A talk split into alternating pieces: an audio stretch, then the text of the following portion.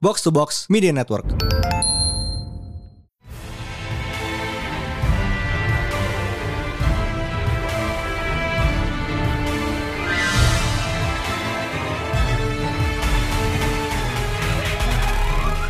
Welcome back to Pretalent Panel Show di mana kita bahas komik panel by panel bersama Mindan. Dan High Priest serta Jaka lagi. Yeay! Ikutan. Welcome back Hai. Jaka. It's always a pleasure to have you here. Uh, As uh, always. Jadi kebetulan kita emang lagi dalam semacam golden few months buat adaptasi komik gak sih? Dan kita nggak ngomongin big two doang. We're talking Ya. Image Comics ini lagi big banget belakangnya. I mean lo Iya. punya Invincible, udah kelar kan? Satu. Terus upcoming Juni besok ada Sweet Tooth, Oh iya baru keluar trailernya kemarin. So, itu tuh punyanya Jeff Lemire. right? Iya, eh Ver kayak Vertigo deh.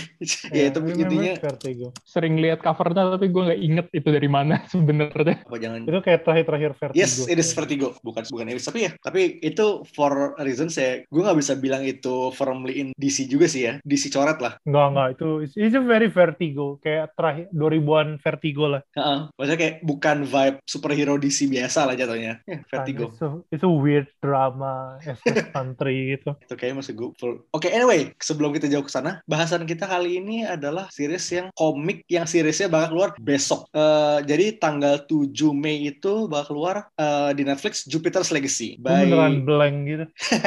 by Mark Millar and Frank Hey. Whiteley. Friday. Mark Miller. Ya, jadi Yes. kemarin kita disebut ngomong ini salah satu komik favorit lu juga ya, Jak? Iya, ini salah satu komik favorit gue. I think this is the best Mark Miller komik yang pernah gue Oh, oke. Thanks to Frank Whiteley sih. Tapi Iya. Quietly sih Yeah, gotta powerful talk banget. about. Iya, I think gue baca kemarin beneran nggak bisa berhenti dan gue kira oke gue coba baca satu doang, gue baca baca dua, baca dua gue baca prequel ya, I just cannot stop. Jadi Eh, Jupiter Coloristnya siapa sih? Colorist. Ada yang di- dua, yang per- yang pertama tuh Peter Doherty, terus yang Mhm. kedua si Sanigo. Oh, but Oh iya, yang kayak- dua kan Sandy ya, gue inget. Oh iya yang waktu itu lo cerita lo kena spoiler ya. Iya, Uh, but kayak then again I have to say uh, quietly tuh kayak gambarnya bagus, gue suka. Tapi kayak kadang ada beberapa colorist yang nggak cocok aja gitu sama dia. These two rasanya masuk banget sih. Gue suka Iya. banget sumpah. dia dia I think he works better ketika colorsnya nggak terlalu overdoing his his pencil work. Mhm. kayak uh, it's very important karena terutama di buku kedua dia banyak banget gambar establishing shot yang gua waktu masih kerja di studio tuh beneran dikasih lihat gitu ketika di, di- dikasih lihat pensilnya beneran masih belum di inking dan itu gila banget. I think Sunny ben- ngetone down banget warna dia di sini dan beneran ngasih lihat powernya si Quietly as a penciler tuh yang gua kayak amazing banget. Quietly is very powerful gitu ya. It's really good. I mean kayak vibe, vibe quietly di sini sama All, All Star Superman tuh beda banget sumpah. Ya, All Star siapa ya kalau All Star juga keren. Anyway, eh, jadi Jupiter's Legacy ini dibagi jadi saat ini ada empat volume ya. Jadi kayak Jupiter's Legacy 1 dan 2 sama Jupiter Circle 1 dan 2 ya. Jadi total kayak 20 ish issues. issues. Betul. Ya, konsepnya itu this as the title implies it's a legacy story. Jadi kayak lo punya generasi lama superhero gitu dan cerita yang di sini lebih concern ke anak-anaknya dan kayak how they live in a post superhero world itu kan. Mhm.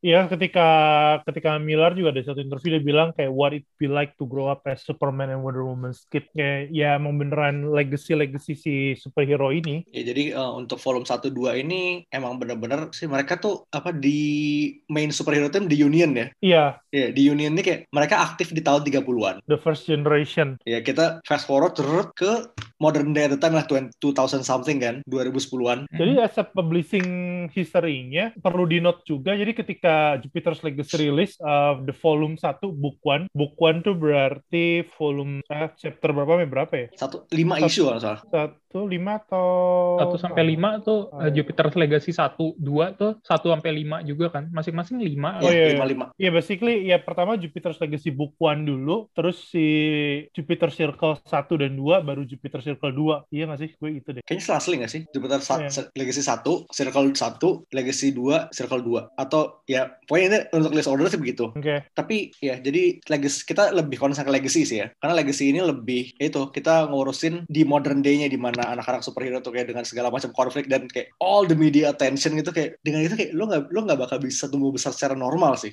Mhm. Iya, all the privilege yang lu dapet kalau bokap lu ada basically the most famous person gitu. I mean gini, Rafathar aja udah dapet film. Lu bayang, lu bayangin kalau lu anaknya Superman.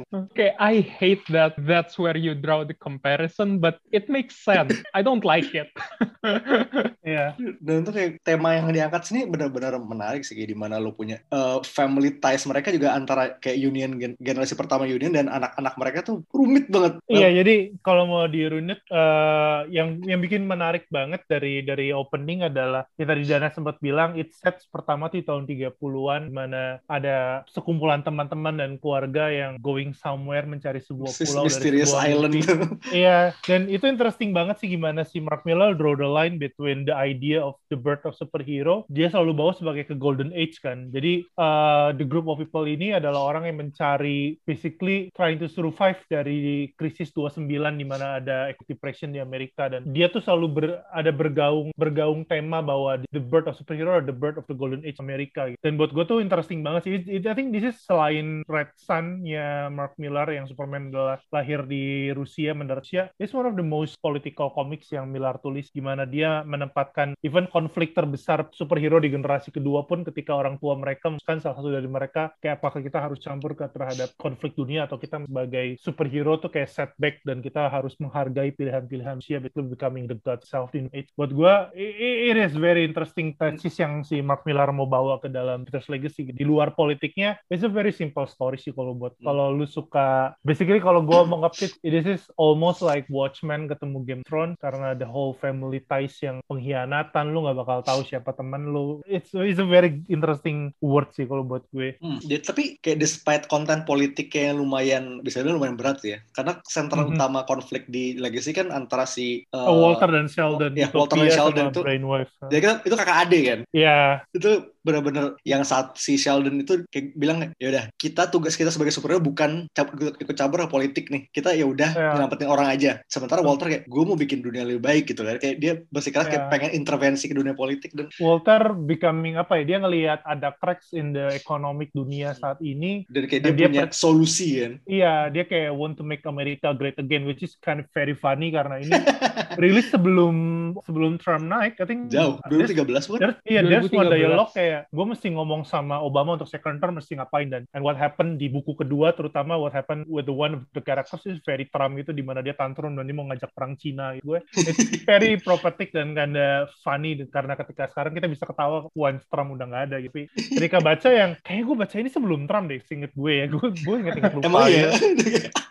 kayak eh, kayak lo harus mikir juga bahwa ini agak menyeramkan fakta di mana kayak Miller tuh bisa memprediksi dan kayak kalau ini bukan prediksi profetik kayak it's just scary how predictable politics is and how Yeah. predictable ha- these kayak higher up will kayak do the things they do right now gitu loh I know kayak predictability-nya tuh aneh kayak it's Iya. scary Ya ada the way the way Walter juga kan he's a very Republican gitu loh. Dia is a, dia sangat ingin membangun. Dia very fundamentalist. Dia tujuan dia untuk menjadi rise to power adalah ya biar dia have, dia punya big plan untuk untuk ngebangun negara which is very very Republican lah ya. Gue harus nolong orang, dia mesti ngebangun sesuatu dan ya ujung-ujungnya menjadi tiran juga sih gitu. Tapi nyampe ke sana itu is very predictable exactly bener yang dibilang Abang. Iya. Oke, Iya. jadi jadi itu cerit- ceritanya adalah konflik besarnya adalah antara dua orang itu tapi yang mesti di setup juga. Jadi emang keluarga ada ada keluarga ada mereka keseret-seret juga ini.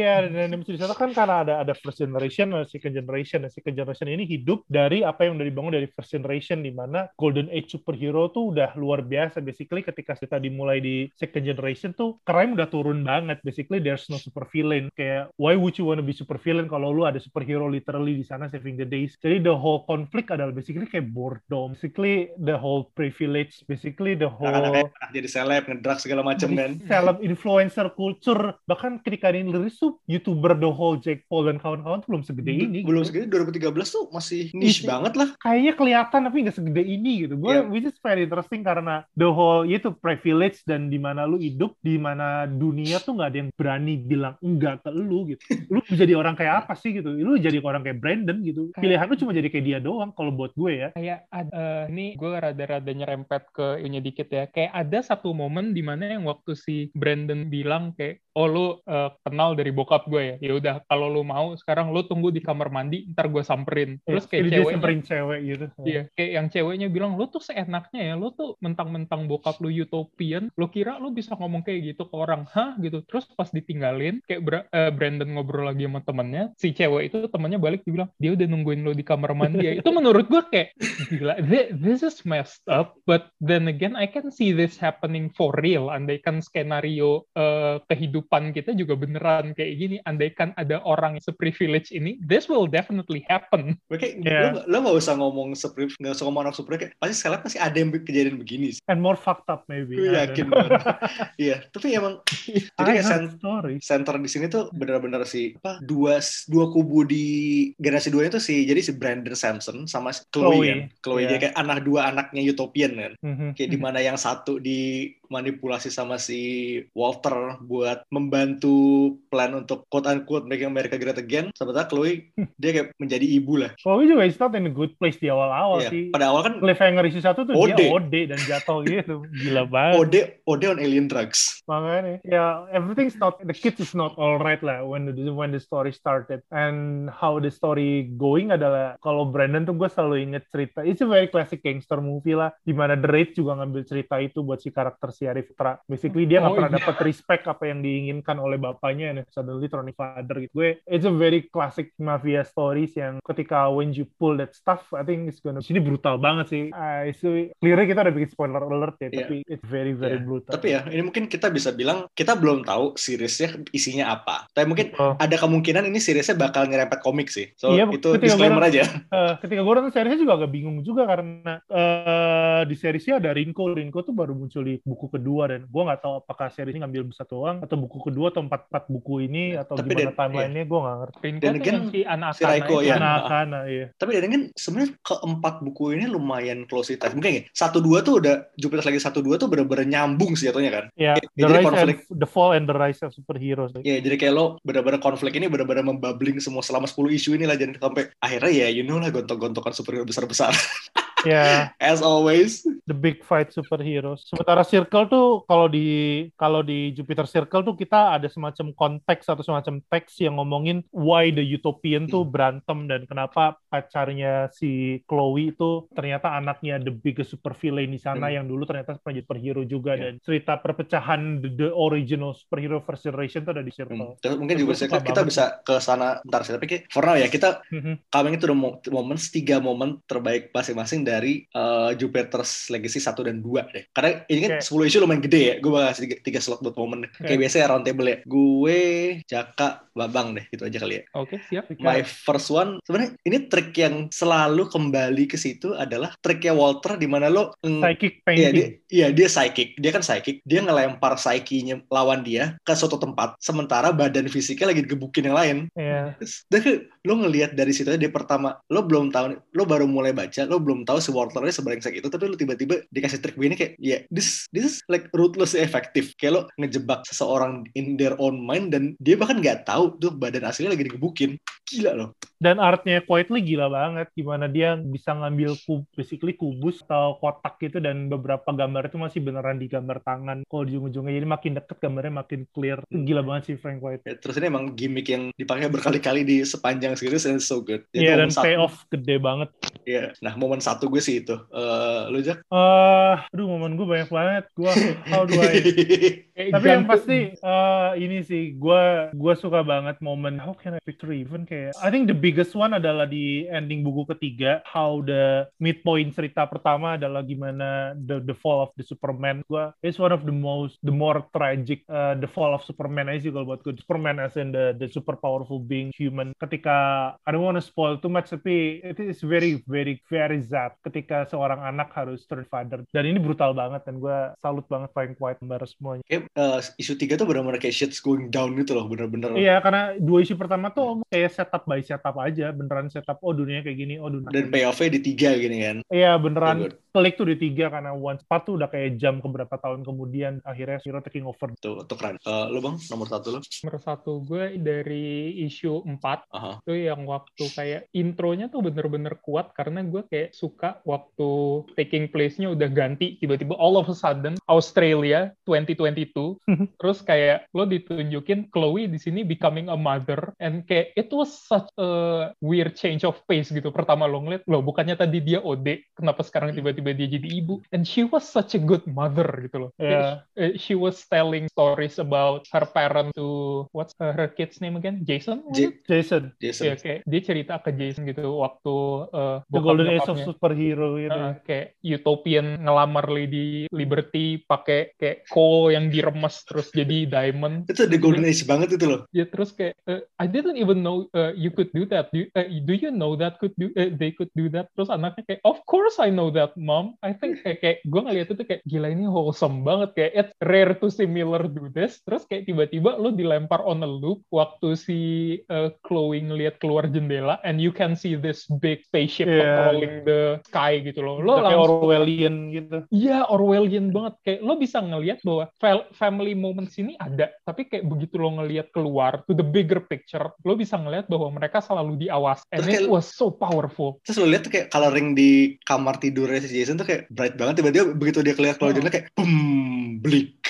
Langsung kaki semua. Bleak banget, Pak. So good. And I cannot stress this, stress this enough, but I love Chloe's family so Iya. much. Terus lihat sih. all the kids yang kamu akan belajar untuk kalah main bola atau you gonna fail, Iya. you gonna learn to iya. fail exam gitu-gitu. Dia kayak disuruh nge- si Jason suruh ngepur gitu kan. Iya. Kayak, kayak gue ngelihat si eh, kayak ini tuh vibe, eh, vibe-nya sama kayak lo inget ending Incredible satu nggak sih? Iya, iya. waktu iya. Dash Iya, iya. ikutan lomba lari Disuruh mundur, disuruh mundur ngepur-ngepur. Iya. Keluarganya bilang jangan maju jangan maju. Juara dua juara dua juara dua. Terus endingnya juara dua. And this is exactly what And they went wild. gitu loh. Iya karena ini kayak- all the heroes kan, all the heroes kayak in hiding. terus kayak eh, yang waktu dia digebukin pas pulang sekolah gitu. Iya, do I look Kayak- convincing enough? do I look convincing? Terus dia bilang yeah that was really good. Kayak "Uh, let's go get some ice cream. Bokapnya bangga. Gue kayak this is so sad but then again if you're a superhero you would have done the exact same thing if you were living in this era. And I Dan- feel that. Gue suka itu kayak bener-bener nge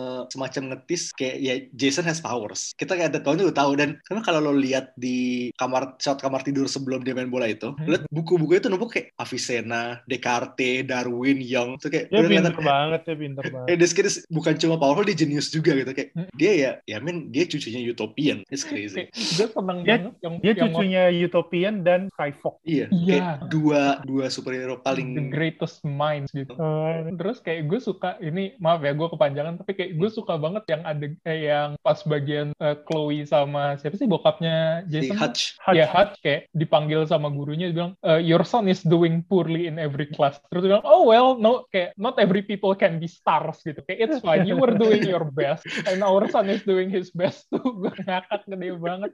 Loh, Sebenarnya sih masih momen gue tuh masih nyambung sama Chloe sih. Hmm. So long story short, mereka ke gap sama rejimnya Walter. Yoi. Si Jason tuh kayak dijebak sama orang-orangnya Walter. Dan ya dia masih as powerful as dia masih bocah kan. And then Chloe just went full on Mama Bear kayak on on on his captors kayak god damn bener-bener dihabisin. Ya dia ketika ketika si Jason terjebak sama si sama satu one of the villain di sana terus tiba-tiba ini ini powernya for power quietly sih dia beneran apa ya nggak flashy gitu loh panelnya beneran nggak simple banget di mana anaknya terdesak terus panel selanjutnya adalah flash apa eh, Hmm. kota boom terus taman boom tiba-tiba semua pistol meleleh gitu dan nextnya adalah Mama Hears Everything itu kayak buat Itu- anjing itu keren kayak- banget sih powerful banget loh. Lo diliatin itu within the span of two pages doang. Kayak ya tadi yang Jaka bilang, kayak di scene-nya tuh bahkan kayak ini simple banget. Bahkan gak ada action lines-nya sama sekali. ya ada Gak ada lu- action lines-nya sama sekali. ibarat ibarat orang orang foto doang kan. Ya, kayak, ya kayak lo ngelihat cuman kertas terbang. Orang kayak nutupin muka, topinya terbang gitu. Terus kayak orang-orang yang lagi di taman kayak ketiup angin gitu. Terus yang pas si villainnya ngomong ngomong kayak mommy isn't coming. Kayak she probably doesn't hear that you're here gitu. Terus kayak Mhm. dibilang that's where you're wrong. Mommy hears everything. It was so good. ya Good reveal. Dan kayak Quiet ini, Quiet ini punya power kayak yang dia tuh bisa bikin action scene yang harusnya bombastis. Kayak presentasi itu matter of fact banget, tapi lu bisa ngeliat ini sebombastis banget. Mhm. Gimana kayak it doesn't, I know I I'm not making sense, tapi kayak kayak lo gimana? Iya gitu.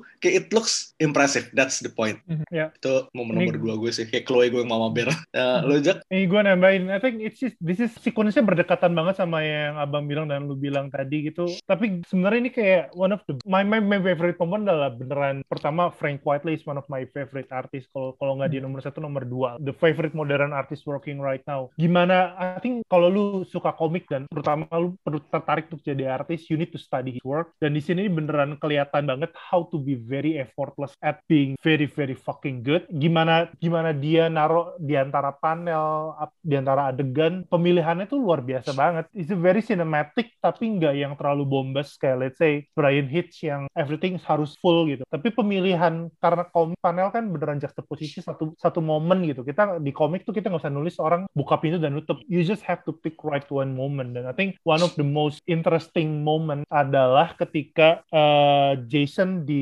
dibully sama teman-temannya di bus di bus di di bus sekolah. Dan tiba-tiba ada, Mhm. ada perempuan datang kayak please stop bullying him. Gua tahu lu siapa. Bla bla bla bla. Tapi basically there's someone who need your help. Go go and get them basically. Dan the next panel tuh beneran cuma pintu bus sekolah belakang tuh kelempar jatuh Sama gitu. kertas-kertas itu kan. sama kertas-kertas. Dari situ tuh yang kayak oh shit.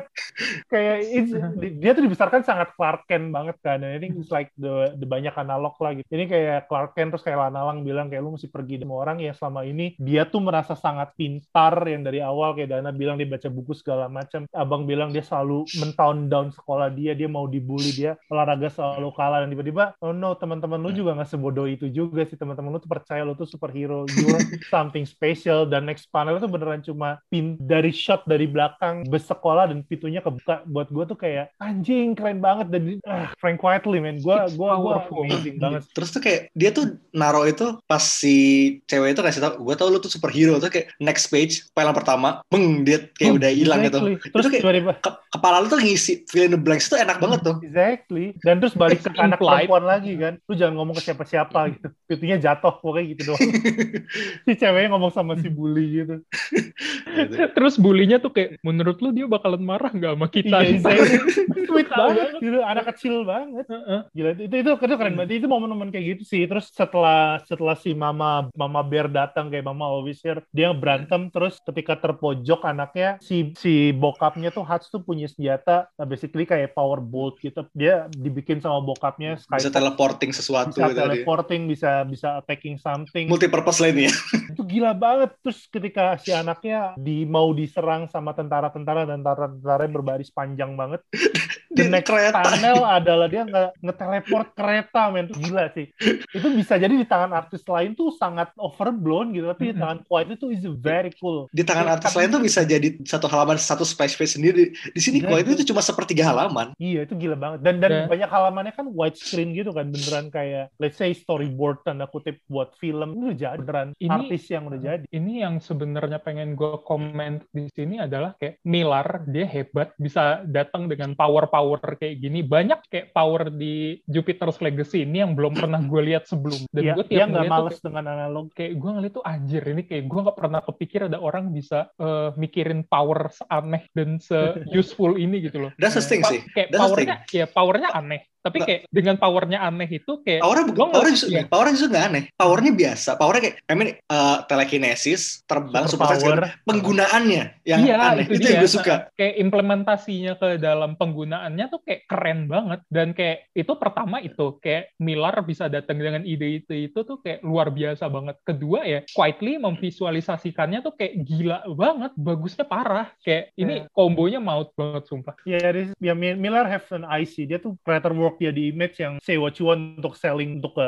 the big picture dan lain-lain tuh artisnya keren-keren sih dari Capullo, Imonen Hmm. ikutan juga itu Steve McNiven ikutan. Kita sempat ngomongin soal Goran Parlov gitu dan di sini ada I think the best artis yang dia pernah pegang gitu si Jupiter si And that's saying something sih. Iya, dia say something ketika lu punya Stuart Imonen, lu punya Capullo, dan this is the best yang artis yang bisa lu pegang tuh gila. Dari Wonder juga Jiggy Jones, Lord. Cuma itu sih, uh, my favorite moment gue yang kedua itu tadi gimana Frank Whiteley using the the magic storytelling di medium komik dalam panel ke panel juxtaposisi aksi dan waktu tuh buat gue fantastik banget banyak banget momen kayak gini yang gue nggak bisa hampir tiap chapter tuh punya gitu dan kalau lu artis dan lu tertarik storytelling me- medium storytelling di komik I think nggak ada Just- salahnya lu baca untuk study how how Frank Whiteley tuh juxtapose the moment. Kalau lu writer juga kayaknya lu kayaknya bisa lu pelajarin gimana si Miller nulis very very efektif karena bukunya cepet banget dibaca bisa satu hal bisa satu hari bisa kelar banget. Gue satu hari kelar sih. Iya dialognya dialognya dikit gitu kan gimana dia nge-pacing cepet banget. Nah, itu nomor dua lu, Jack. Kalau nom- nomor dua, dua lu, Bang? nomor dua gue tuh eh dari issue 5 kayak Jupiter's Legacy 1 tuh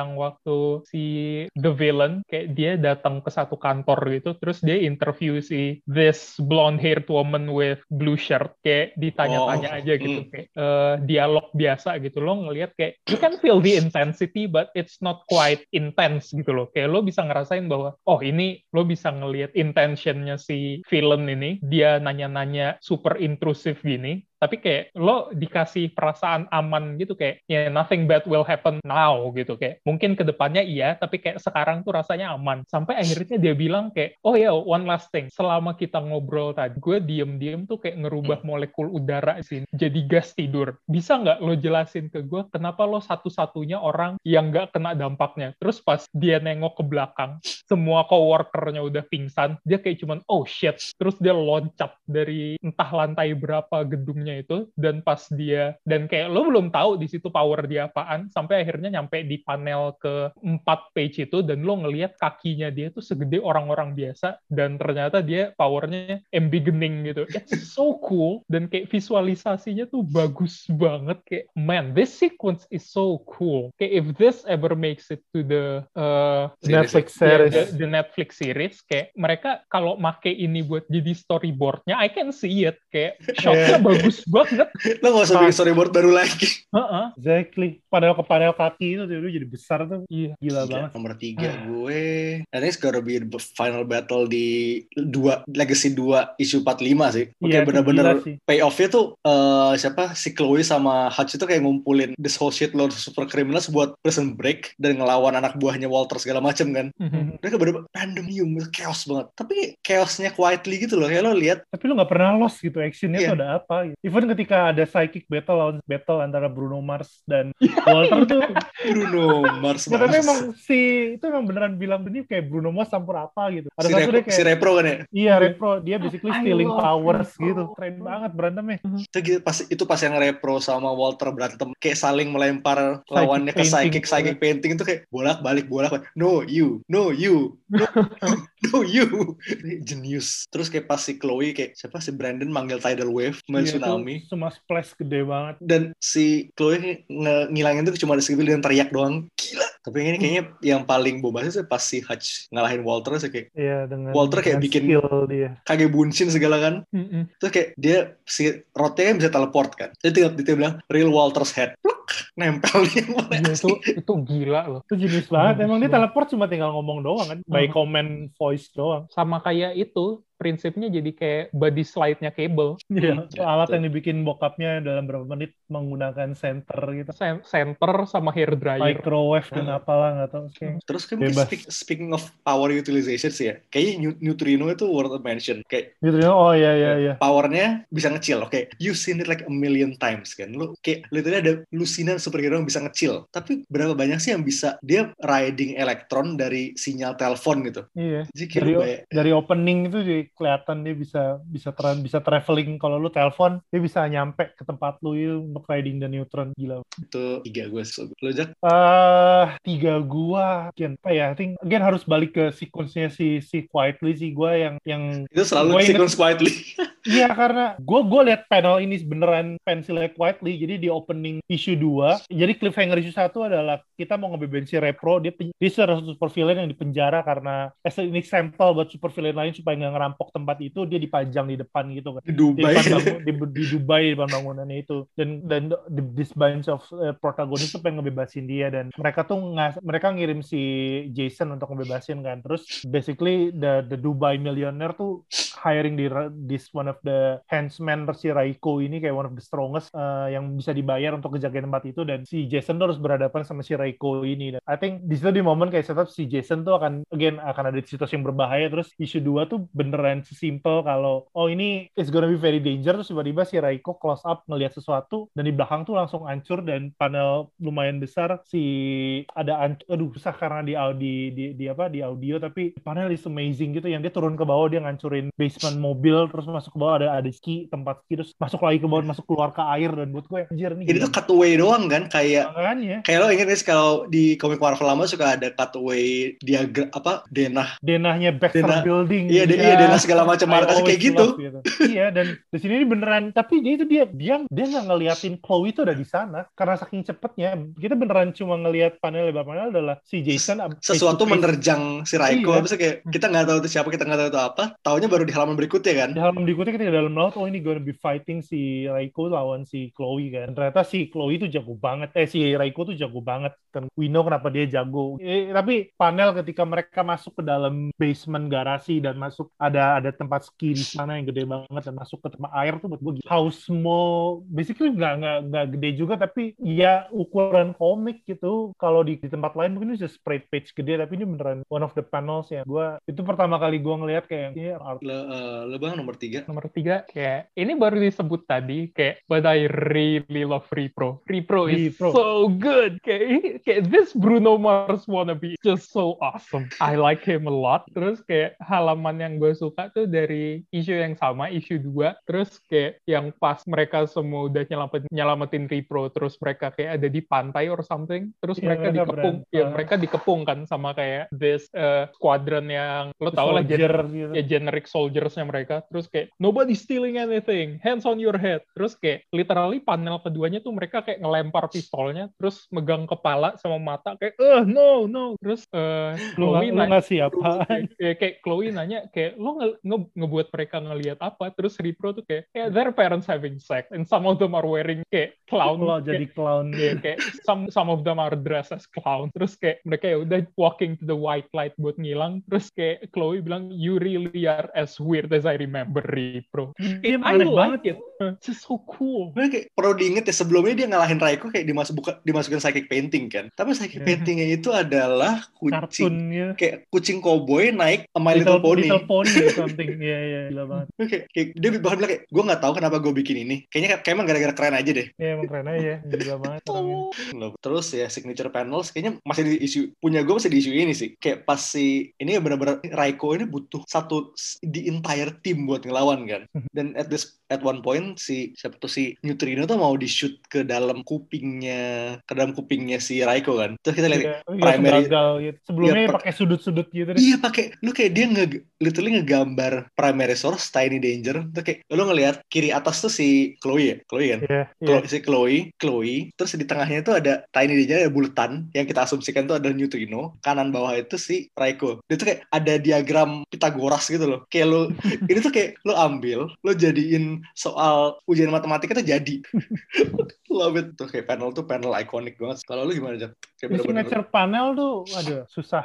Eh, di whole book is signature panel ya iya, itu dia. Iya. Susah. Tapi, if I have to pick one, ah, gue tuh suka banget ketika pertama kali mereka arrive di pulau itu sih. Karena the, the, the, the- apa, the island exactly look the same sama sketchnya si Sheldon. Opening banget. And we know something kayak, something's changing di antara mereka semua gitu. Kayak di Chronicle, anak-anak ini ketemu sama sesuatu di bawah itulah. Dan di bawah kristal itu dan semua dapat power. Ini juga kan lumayan agak mirip. Ternyata di sana mereka ketemu alien. Nanti gue gue suka banget panelnya sih ketika mereka pertama kali ketemu pulau. Yep. Eh, lu bang gue eh, ini kayak sebenarnya lebih kayak gue suka eh, dialognya dibanding panelnya tapi kayak eh, it counts kayak it counts kayak ending Jupiter's Legacy 1 di mana si Chloe bilang when did superheroes ever care about odd kayak I like that a lot kayak Yeah. that Itu kayak kayak, big dick energy banget that Ya, kayak that summarize the whole being a superhero thing gitu kayak lo pertama ngelihat Chloe itu kayak she's just a fuck up she was OD the first few issues Ya. terus kayak di issue terakhir tuh dia literally kayak ya sejak kapan superhero peduli sama gituan Itu katanya di ini juga deh, di om itu line-nya si Jason di awal kayak di callback gitu ketika di rumah. Seinget gue ya. It's like callback lines gitu dan itu nice banget. God, I like it Kayak every yeah, dan very everything strong. itu sum up as the series in general sih karena they always down to the numbers kan orang-orang ini. Mhm. They always in the old. Tapi itu ya Jupiter's Legacy in a nutshell sih ya. Sekarang tadi sempat kita sebut beberapa kali Jupiter Circle. So, Jupiter Circle ini adalah effectively prequelnya prequel Jupiter's Legacy di mana kita Mhm. flashback jauh ke masa jayanya Union kan around the 19- 1950s. Iya, masa jaya dan masa kejatuhan mereka juga sih. Iya, kayak Jaya itu di depan kayak di belakangnya di belakangnya berantakan banget. Di Yep. sini tuh di situ kita benar-benar lihat mereka itu dealing with their own personal demons kayak si siapa namanya Blue Bolt ya, kayak Blue Bolt Iya, Blue ka- Bolt, karena gay dia kayak di blackmail sama J. Edgar Hoover Brandster itu. and then Ini like, artisnya beda, artisnya dia Ya, pakai artisnya beda. Torres. Torres was also ada very good.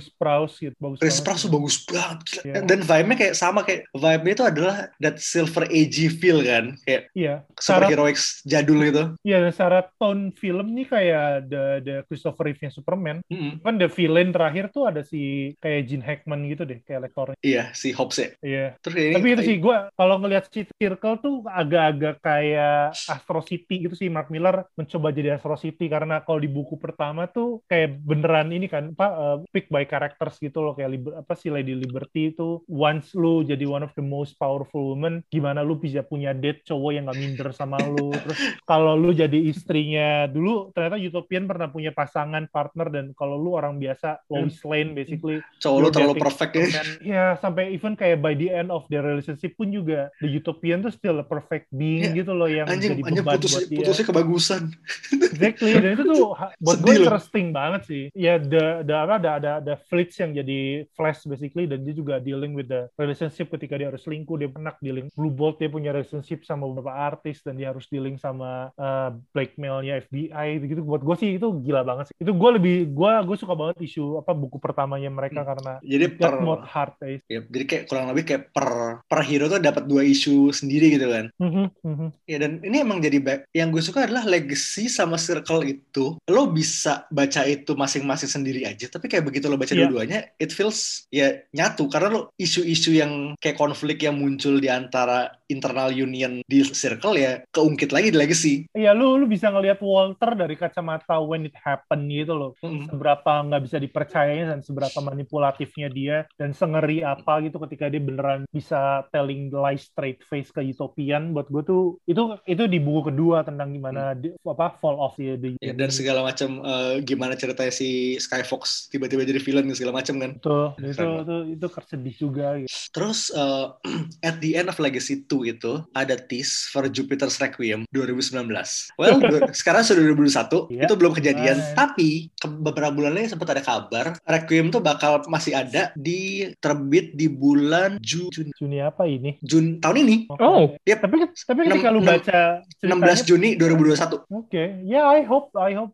I think ketika buku rilis pun juga uh, Frank Whiteley kan emang gambarnya nggak secepat itu ya, jadi emang mesti Oh, nabung banyak Nah, gitu. speaking of, jadi bu- ke Requiem ini bukan Quietly lagi yang megang sayangnya. Oh iya iya. Ya, iya. Tommy Lee Edwards. Oh iya, I remember Tommy Lee Edwards. Iya, iya gua gua baru sadar baru ini. Yep. Tommy Lee Edwards juga lumayan dia Iya, partnernya Edwards. Miller di 1984 yang anak kecil jadi leading Daft. Ya, Itu yang keren. gue ingat. Iya iya. Eh, jadi ya, Oh, iya, Requiem, memang- Requiem ini bakal jadi conclusionnya di whole Jupiter series ya. Iya, tapi ya itu sih gue kalau baca Legacy, ya kalau lu baca dua pun juga sebenarnya udah udah kelar happy ending. Gue nggak tahu sih selanjutnya apa trilogi. Chloe. Tapi ya itu gue Oke, gue baca baca. Gue sampai gue bahkan sampai lupa kalau udah bukan Frank Whiteley lagi. Oke, ini kan last we saw di Legacy kan sudah happy ending. Ini kita maju lagi. Dan kayaknya Yes. emang mau mau buka misteri pulaunya sih. Karena Iya ada pulaunya alien. pula, pulaunya ini bener-bener kita belum tahu apa-apa kan. Iya pulau cuma muncul cuma muncul sekali ketika they they need the the, the power. Dan dan udah, sempat ditis juga dari omongan Chloe tentang kayak kenapa mereka ngasih kita kekuatan, what's the reason behind it, untuk apa Ya, sih? gitu. belum ada jawaban. Iya, I think mereka mau ngambil ke sana di require require. Kita lihat saja. 12 isu start Juni besok. Yeah, I think it's gonna be interesting. Dan mungkin sebagai side track nih, pas gue baca, pas gue reread Legacy ini kayak, kayak gue, uh, gue ada getting similar vibes dengan The Multiverse The Just. Iya, si Morrison tentang anak-anak superhero itu juga ya. Grant Morrison dan Ben Oliver ya. Yep. Uh, ya, jadi vibe-nya sama kayak anak generasi kedua superhero yang spoiled and entitled. Generasi influencer culture. Dan ini reverse itu tahun berapa ya? Soalnya Buku- Bukunya di depan gue padahal. Di tahun 2015, Oh, tapi iya, ini oke. Januari mungkinan. Ini kan isunya kayak sebelumnya si Multiversity. I think Hmm. ya di end of Iya. 2014. Iya, mungkin kayak- Deketan emang. Deketan kok emang gue juga ngerasa deketan. Iya, tapi emang vibe-nya ini kelihatan lebih leaning into the influencer culture sih karena Iya. dari cover-nya udah kelihatan kayak majalah majalah remaja kan, Iya, tabloid culture.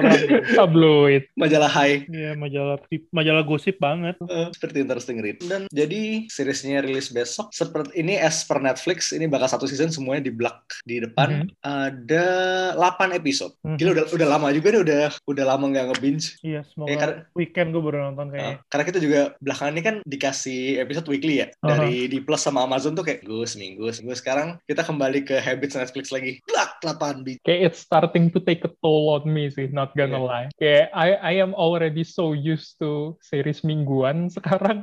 Kadang kalau ngelihat yang langsung dikasih plek banyak tuh bawaannya kayak aduh tunggu besok deh. Tapi kayak begitu tapi kayak begitu kelar episodenya kayak satu lagi deh nggak apa-apa. Yeah, Ending-endingnya get juga you. ya ending-endingnya puas tapi ya capek. Berapa episode sih ini gue belum. Kapan tadi? Oke. ya lep- dengan asumsi 40 menitan ya 8 8 ish hours lah 6 to 8 hours kasih juga bagus sih ini ya Josh Duhamel Leslie Bibb ada anak Akana Ya gue gue masih kaget anak Akana itu oh terus Black Star ini korban psychic painting yang psychic painting pertamanya Walter itu Tyler Mane Sabertooth dari klasik Ya, oh eh, iya. iya Sabertooth Oh, iya. X-Men yang dulu Se- sebelum Liv Schreiber ya. Heeh. Man, udah lama juga gue gak denger nama itu Oke, okay. we'll be waiting for that for Jadi sure. komik kayak Darkseid, Darkseid gitu. iya Darkseid East tapi dia numpang lewat doang Ya tapi Hmm. gampang banget dikalahin. Siapa tahu di sini prominent kan? Kita nggak tahu. kita juga belum tahu nih ini bakal seba kita bakal ngelihat Twitter Legacy ini ngambil dari mana aja karena eh, antara Circle dan Legacy itu kan lumayan bisa bilang skopnya lumayan kecil ya nggak banyak gitu bahannya apakah mereka bakal bikin sendiri kayak jalan sendiri atau kayak adaptasi plek-plek kayak model Invincible kita nggak tahu we'll see Hmm. in any case we'll be checking out Ya gue excited banget sih. Gue excited Frank Whiteley dapat duit benernya. itu dia oh, ngomong seneng. ngomong Frank Whiteley sih kemar tadi tuh gue sempat lihat tweetnya dia sudah ba- udah nonton dan dia suka Ya pas kalau Iya, sorry. bilang gak suka. Kalau nggak jadi gue gue baca tweetnya dia ya. Finish watching season one last night with my wife. Absolutely love it. The performance, plot lines, costume set effect brilliant. Can't wait to watch it again. Bismillah. Semoga bagus. Only one way to find out besok. Ya. Anyway, eh, Lebaran kita bakal break satu minggu. But setelah Lebaran, we're gonna be back.